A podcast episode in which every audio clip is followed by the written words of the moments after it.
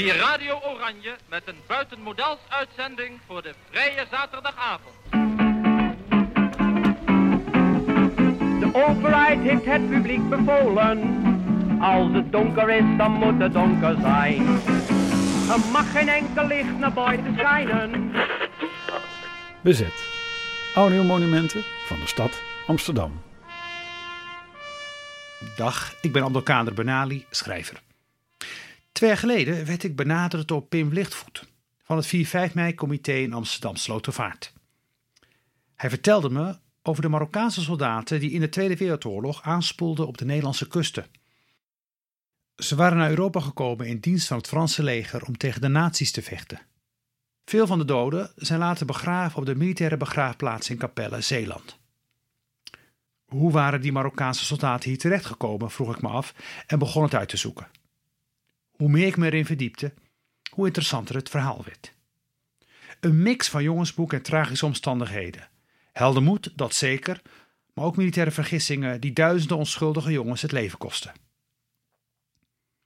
Ik kwam erachter dat in mei 1940 deze Marokkaanse soldaten vochten tegen de Duitsers in de Franse Ardennen, in wat later de Blitzkrieg genoemd zou worden. De oorlog die begon nadat Nederland en België door de Duitsers aangevallen waren. Deze Marokkaanse soldaten waren getraind in Afrika om voor de vrijheid in Europa te vechten. De Marokkaanse inzet was heroïs, maar bleek niet voldoende. De soldaten werden gedood of gevangen genomen. En zij die konden vluchten, trokken naar Duinkerken. Daar was hun laatste kans om aan het Duitse gevaar te ontkomen. Een van die Marokkaanse soldaten zou het niet overleven. Hij spoelde op 27 juli 1940 aan op het strand van Zandvoort. Zijn naam is Al-Ashir Ben Bouali. Hij ligt begraven op het Frans Militair Ereveld in Capelle, vak G, rij 2, nummer 12. Dit hoorspel is op hem geïnspireerd, aangevuld met de verhalen van die vele andere Marokkaanse soldaten die in die meidagen van 1940 vochten voor een land dat niet het hunne was op een continent waar ze niet vandaan kwamen.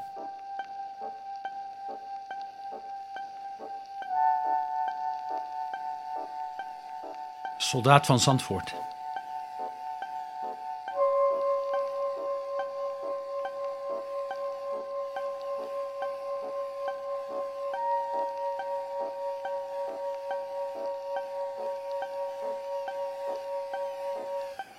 Ik lig op een strand. Twee jongens kijken mij aan. Ze praten door elkaar. Het is geen Duits wat ik hoor. Dat weet ik heel precies, want twee weken geleden vocht ik nog tegen de Duitser. Ik heb hem horen vloeken. Ik heb hem horen schelden. Ik heb hem horen sterven. Dat was twee weken geleden in La Horne, in eeuwigheid. Gewonde soldaat. Ik herhaal wat ze zeggen. Soldaat. Dat ben ik. Haal me hier alsjeblieft weg. Ze trekken het naamplaatje van mijn lichaam. Mijn naam spreken ze verkeerd uit. Een Fransman? zegt een van hun. Français? Français? zegt de ander. Marocain. Spahi. Spahi. Soldat. Spahi, antwoord ik. Ik ben een Marokkaanse soldaat in Franse dienst die in de Franse Ardennen tegen de Duitsers heeft gevochten. Ik behoor tot de derde brigade van de Spahis. We kwamen met onze Berberpaarden uit Marokko. Waar mijn paard is, kan ik je niet meer vertellen. Wat ik je kan vertellen, is dat ik zonder mijn paard het niet had overleefd. nu aan Zandvoort, zegt de jongen met de bruine ogen. Ze lachen. Wat betekent die ster, zegt de ander. Hij heeft blauwe ogen. Is het een Davidster? Is hij een Jood? De ster op mijn uniform verwijst naar Marokko. Er waren ook Joden in mijn regiment. Wij vochten zij aan zij. Het is een Mohammedaan, roept de ander. Maar wat doet de Marokkaan hier aan de Noordzee? Aangespoeld, zegt de ander. De wind rukt aan onze woorden. Alleen het geluid van meeuwen is overal hetzelfde. Loor, fluister ik. Loor. Dan verlies ik het bewustzijn en word ik door de golven teruggebracht naar mijn dorp.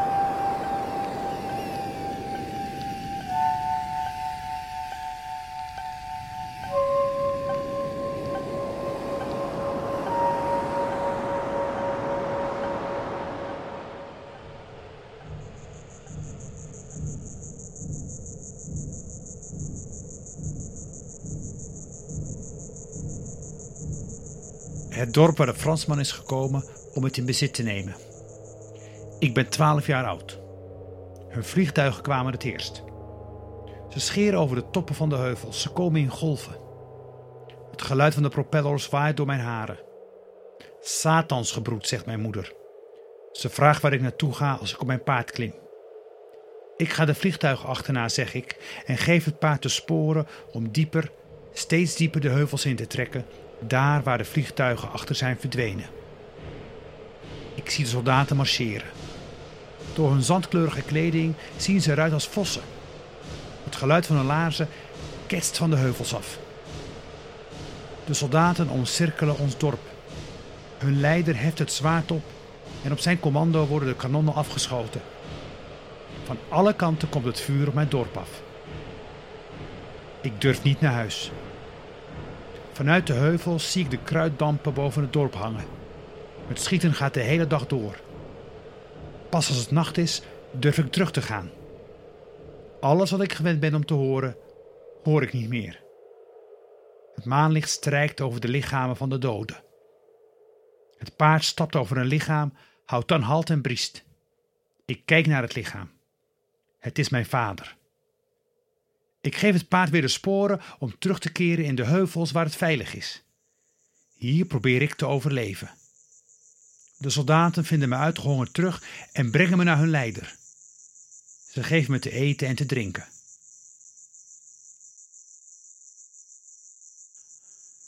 Wanneer ik ben aangesterkt, spring ik snel op mijn paard en trek rondjes om hun kampement.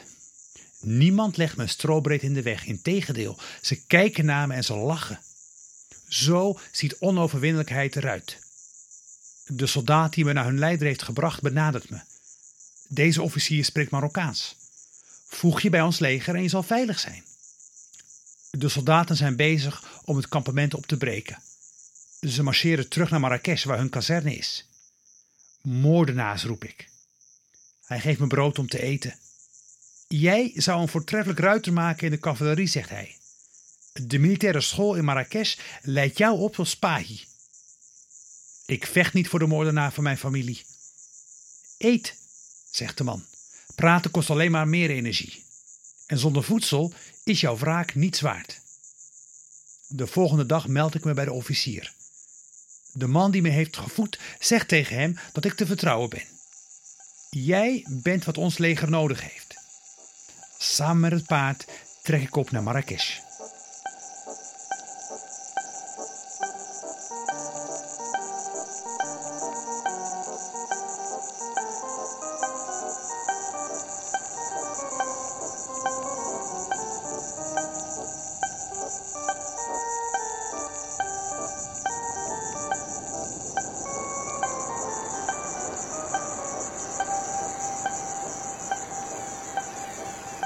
Spitsen hun oren. Ze praten met elkaar. Ze kunnen nauwelijks ouder zijn dan 14 jaar, maar een paar jaar jonger dan ik. Misschien zijn het de Duitsers, zegt een van de jongens.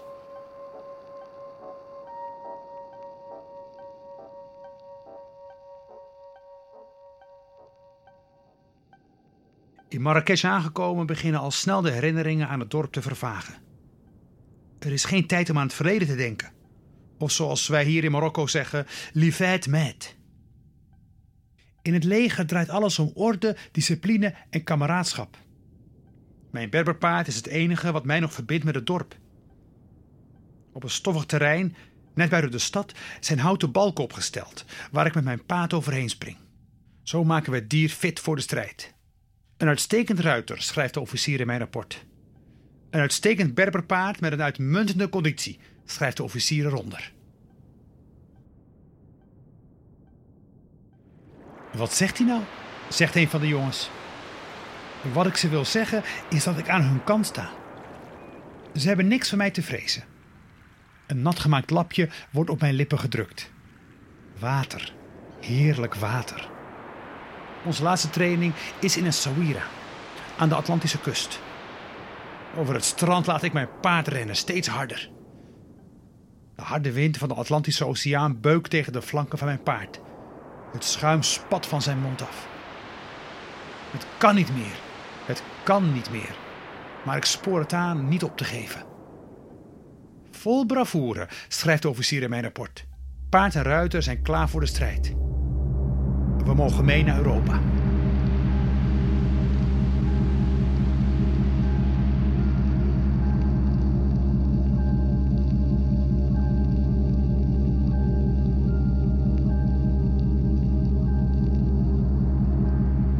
De nasale roep van de horen haalt me uit mijn slaap. Ik verricht snel mijn ochtendgebed. De paarden zijn al weggebracht. We krijgen extra kleding, schoenen, een gasmasker en een proviantas. De witte tulband ferm op het hoofd zitten we in de trein naar Ouaran. In Frans-Algerije, waar de witte boot klaar staat die ons naar Marseille zal brengen. Van het station worden we meteen naar de haven gebracht. De scheepshoren vertelt ons waar we moeten zijn.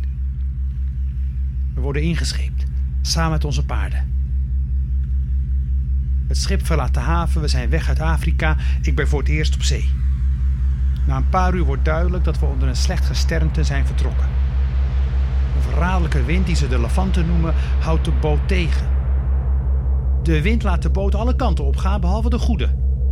Het voelt alsof ik langzaam van binnen word gekookt alsof de wind zich een weg naar binnen boort om daar oorlog te maken.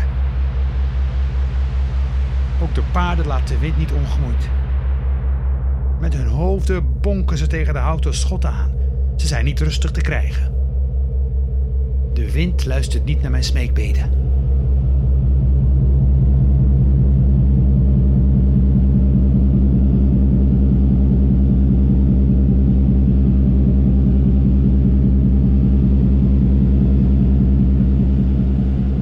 Zegt de jongen tegen me. Zandvoort aan zee. Ze zijn bang. Bang voor wat er komen gaat. Ik, ik denk dat ze me hier willen laten liggen. Ze kunnen niks voor me doen, ik zal hier sterven. Met mijn gezien worden is gevaarlijk. Levensgevaarlijk. Wie vermoedelijk de oudste jongen is, kijkt me rustig aan. Hij is wijs van zijn leeftijd. Dat straalt hij uit. We moeten je verbergen. Als de NSB'ers je zien, dan zullen zij doen wat de troepen van Hitler niet voor elkaar kregen, zegt hij. Bij het woord NSB'er voel ik hun angst. We zwijgen. We luisteren naar de zee. Misschien dat die verlossing brengt.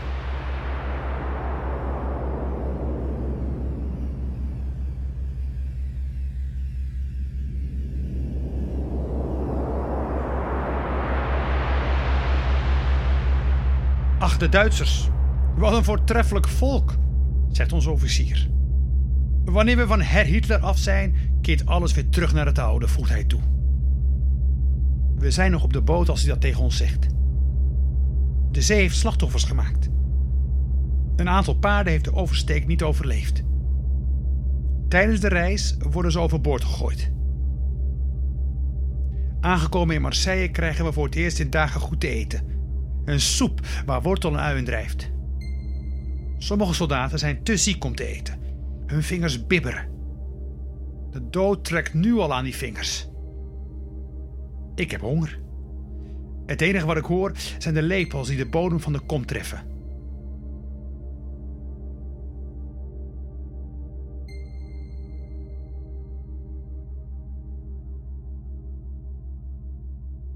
In de trein naar het noorden kijken we onze ogen uit. De lente is op het platteland neergestreken. Ons regiment bestaat uit Tunesiërs en Algerijnen. Er zijn ook Senegalezen. Het nieuws over de aanstaande invasie sijpelt door de kieren en krochten van de trein. Hoe langer de reis duurt, hoe benauwder het begint te voelen. We zijn menselijk vee. Onze paarden hebben het beter. Die hebben onderweg nog hooi om te eten. We hebben niks om te eten, dus eten we elkaars woorden op. Zullen wij elkaar nog zien als het voorbij is, vraag ik. Inshallah, zegt de Senegalees, als God het wil. In Parijs worden we van elkaar gescheiden. De hoofdstad is slechts een tussenstop. De volgende trein gaat veel langzamer dan de vorige. Waar we precies zijn, weet ik niet. Het enige wat ik weet is dat we voorbij Rijms zijn. En wat ik ook weet is dat Duitsland Nederland is binnengevallen en dat Duitsland België is binnengevallen. De officier komt ons toespreken. Hij ziet er opgelucht uit. De kogel is door de kerk. Er zal strijd zijn. De witte tulband zit nog steeds recht op het hoofd. Als ik daar een paar ogen had, zou ik over de heuvels kijken om de Duitsers te zien.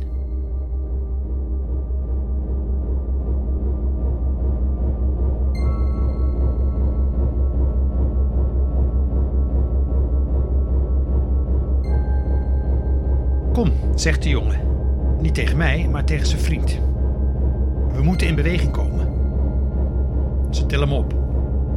Voetje voor voetje ga ik over het droge zand. Ik ben afgevallen. En ze verbazen zich over mijn lichtheid. Een paar weken geleden woog ik nog niet zo licht. De wind heeft me weggeblazen.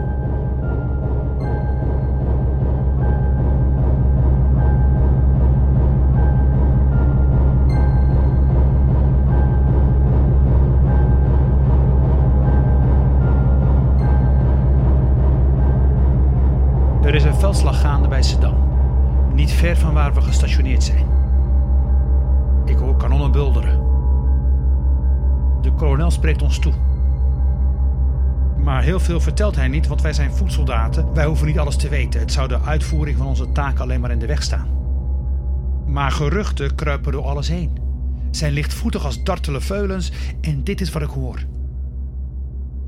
De Fransen zijn overlopen door de Duitsers. Ze kwamen als dieven in de nacht. Het aanvalsplan was voorbereid op een invasie in België, niet in de Franse Ardennen. Duitse vliegtuigen scheren over Frans grondgebied. We zien de rookwolken boven Sedan, waar de Stuka-vliegtuigen hun bommen laten vallen, om daarna achter de heuvels te verdwijnen. De Stuka's herinneren me aan de Franse vliegtuigen boven mijn dorp.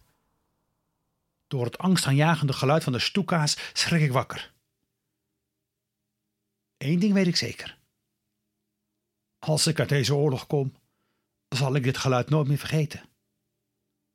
En als ik kinderen krijg, zal dit geluid ook in mijn kinderen zitten.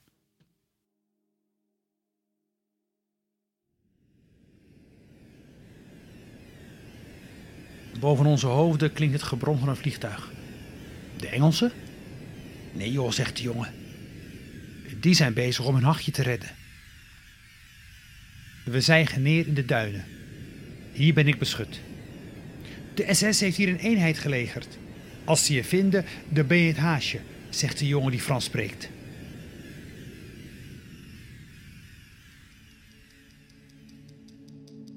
La Horne is een dorp op 30 kilometer van Sedan, waar alle inwoners van zijn gevlucht. Want zij wachten de dood niet af. Hier graven we ons in om de machines van de Duitsers te stoppen. Kolonel Mark zegt tegen ons: De tanks hebben het laatste woord in deze oorlog. Zorg er dus voor dat de tanks niet het laatste woord zullen hebben. Dan verdwijnt hij. Ik zal hem niet meer terugzien. De panzertanks zijn zwaar als dinosaurussen, maar snel als roofdieren. Ik hoor de over het terrein klimmen, zachtjes, zachtjes. Het is de vroege ochtend van 15 mei 1940. De kerkklokken klinken of verbeeld ik me dat? Mijn paard heb ik moeten achterlaten in de barak. Wij zitten op de grond, wachten op orders, houden onze geweren vast. Mijn ademhaling voelt aan als scheurpapier. Dan brandt het los. De strijd. Wat zegt hij nou, zegt de jongen. Ik weet niet wie dat zegt, maar het lijkt erop. De jongen die Frans met me spreekt, kijkt me aan en dan naar zijn vriend. Hij was in La Horne. La Horne, dat ligt in Frankrijk. Daar heeft hij gevochten. Hoe is hij hier terechtgekomen? We kijken naar de Noordzee. Wat zegt hij? zegt de jongen. Hij zei Duinkerken, zegt de andere jongen. Daar komt hij vandaan.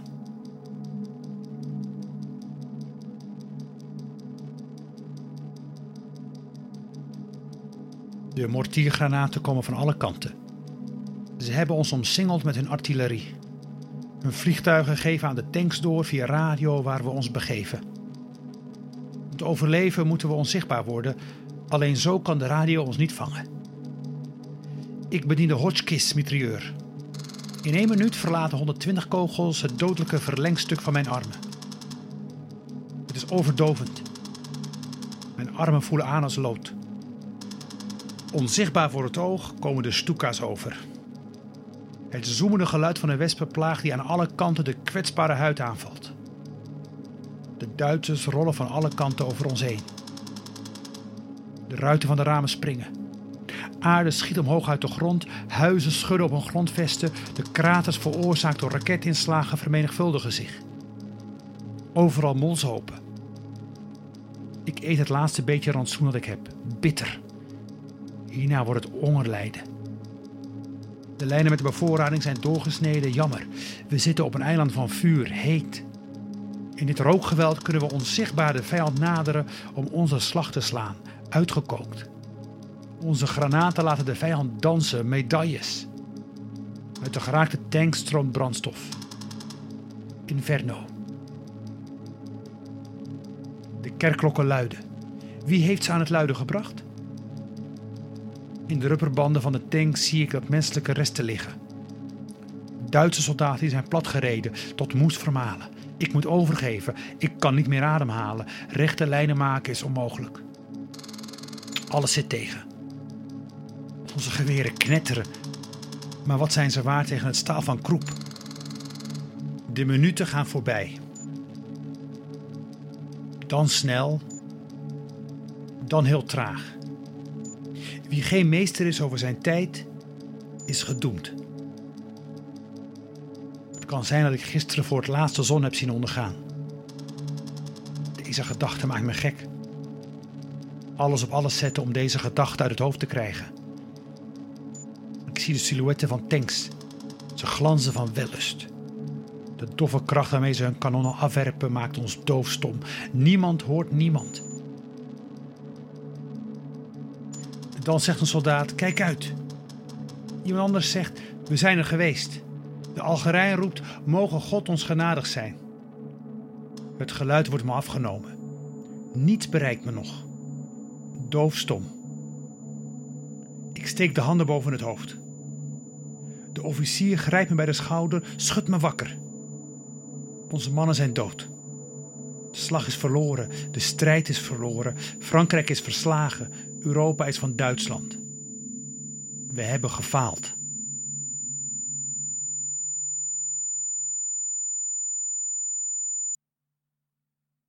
Hij huilt.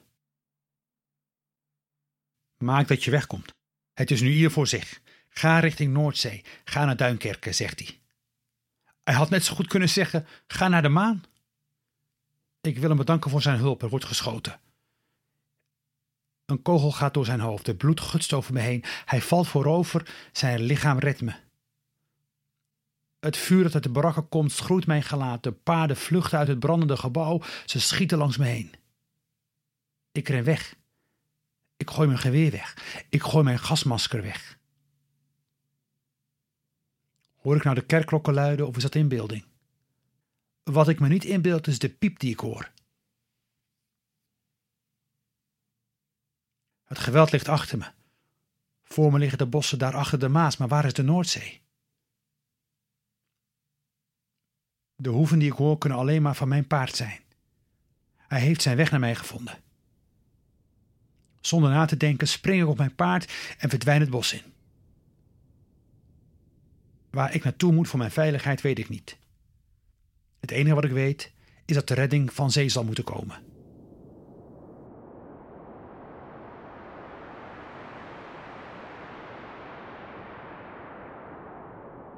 Ik vertel de jongens wat ik heb gezien. De weg tussen La Horne en Duinkerken was lang. Heel lang. De eerste mensen die ik zag waren mensen die langs de weg liepen. Van huis en haard verdreven door de oorlog. In sommige dorpen woonden alleen nog maar vrouwen. Ze schreeuwden dat ze bang waren voor de Duitser. Sommigen gaven me brood. Van een andere vrouw kreeg ik een kus vol met tranen. Waar de mannen waren, wist niemand. En toen ik uiteindelijk na dagen bij de kust kwam, zag ik zoveel soldaten, net als ik, uitgeput door de lange weg die ze waren gegaan om hier te komen, in de hoop meegenomen te worden door een van de boten naar Engeland. Duinkerken is een begraafplaats waar de dood niet genoeg ruimte heeft voor alle lichamen om te begraven. Omdat ik onder Franse vlag vocht, werd ik achteraan gezet. Het maakt me niks uit als ik maar weg kan. Om toch te proberen snel aan boord te komen, smokkelde ik mezelf naar een ponton. Toen ze hoorden dat ik geen Engels sprak, werd ik teruggeduwd. Ze wilden me niet hebben. Teruglopend naar het strand riep iemand mij: Kom hier, kom hier. We spraken de taal die jullie ook spreken, zeg ik tegen de jongens.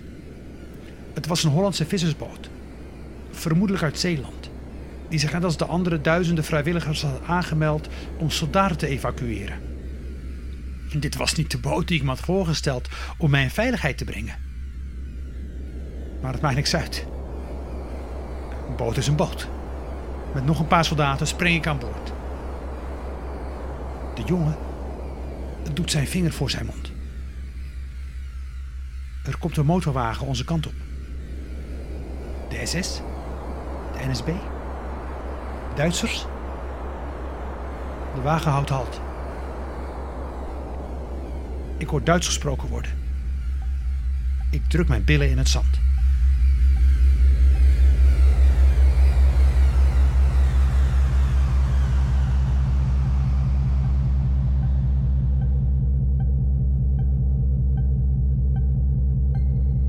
De Zeelse vissersboot kon niet naar Engeland varen.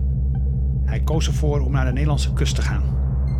Terwijl de hele wereld probeerde weg te komen van het continent, gingen wij er naartoe. Toch zijn de vissers opgelucht. Ze kijken me met glanzende ogen aan. Wie hebben zij aan boord genomen? El Maghreb. Marok. Ze bewonderen mijn kleding, mijn tulband. Hun opluchting deel ik niet. Ik vertrouw de wind niet. De piep in mijn oren is weer teruggekomen.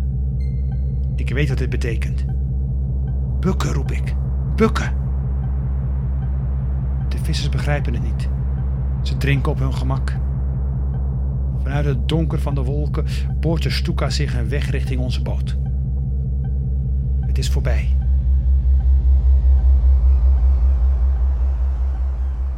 Jij leeft nog, zegt de jongen met de blauwe ogen. Het is een wonder. De Duitsers zijn verder getrokken. Ze willen hulp gaan halen. Ze zullen me gaan onderbrengen bij een gezin dat in contact staat met Engeland. Ze hebben ideeën gekregen. Eindelijk zijn ze onderdeel van de strijd. Helden. Ze kunnen iets betekenen voor mij, hun land, de vrijheid. De energie geeft ze vleugels. Net waren ze nog veertien, door een geestdrift lijken ze wel mannen. We gaan, zeggen ze. Niet gaan, zeg ik. We gaan je helpen, zeggen ze. Het is gevaarlijk. Te gevaarlijk, jullie lopen gevaar. Ik kan ze niet stoppen. Dit is hun plan. We gaan voor je zorgen, zegt de jongen in het Frans. Doe het niet. Ik hoor de meeuwen weer. Meeuwen klinken overal hetzelfde. Alleen de dood is overal anders. Dan hoor ik militairen in het Duits schreeuwen. Er wordt naar de jongens geschreeuwd.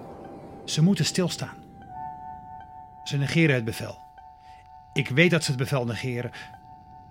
Ze wanen zich onoverwinnelijk. Dan geweerschoten. Drie, vier, vijf keer. Niemand is onoverwinnelijk. Ik lig alleen in de duinen. Ik hoor de meeuwen. Ik hoor de vliegtuigen achter de wolken. Ik hoor mijn paard. Ik ben weer thuis. Het hoorspel Soldaat van Zandvoort kwam tot stand met financiële steun van het Amsterdams 4 en 5 mei-comité in de persoon van Thijs Middeldorp. De ambassade van de Noordzee maakte deze podcast mogelijk. Ik wil Pim Lichtvoet van het 4-5 mei-comité in Slotervaart bedanken voor zijn waardevolle informatie over de Marokkaanse soldaten die in Nederland aanspoelden. Dank Jesper Buursink voor de aangedragen geluidsfragmenten. Dramaturgie Martine Mante. Compositie Harpoot Hart. Idee en tekst Abdelkader Benali. De Soldaat van Zandvoort is een hoorspelbewerking van een voorstelling die aanvankelijk te zien zou zijn geweest tijdens Theater naar de Dam. Maar de coronapandemie heeft hier roet in het eten gegooid. En het is dit jaar niet mogelijk om elkaar in de theaters te ontmoeten. Alle voorstellingen op 4 mei zijn afgelast. Maar gelukkig hebben heel veel makers een digitaal alternatief gemaakt. Surf daarom op 4 mei om iets over acht vooral naar theaternadedam.nl en laat u verrassen. Op dit podcastkanaal zijn tot en met 5 mei diverse verhalen over de oorlog te horen, dus blijf aan ons kanaal gekluisterd.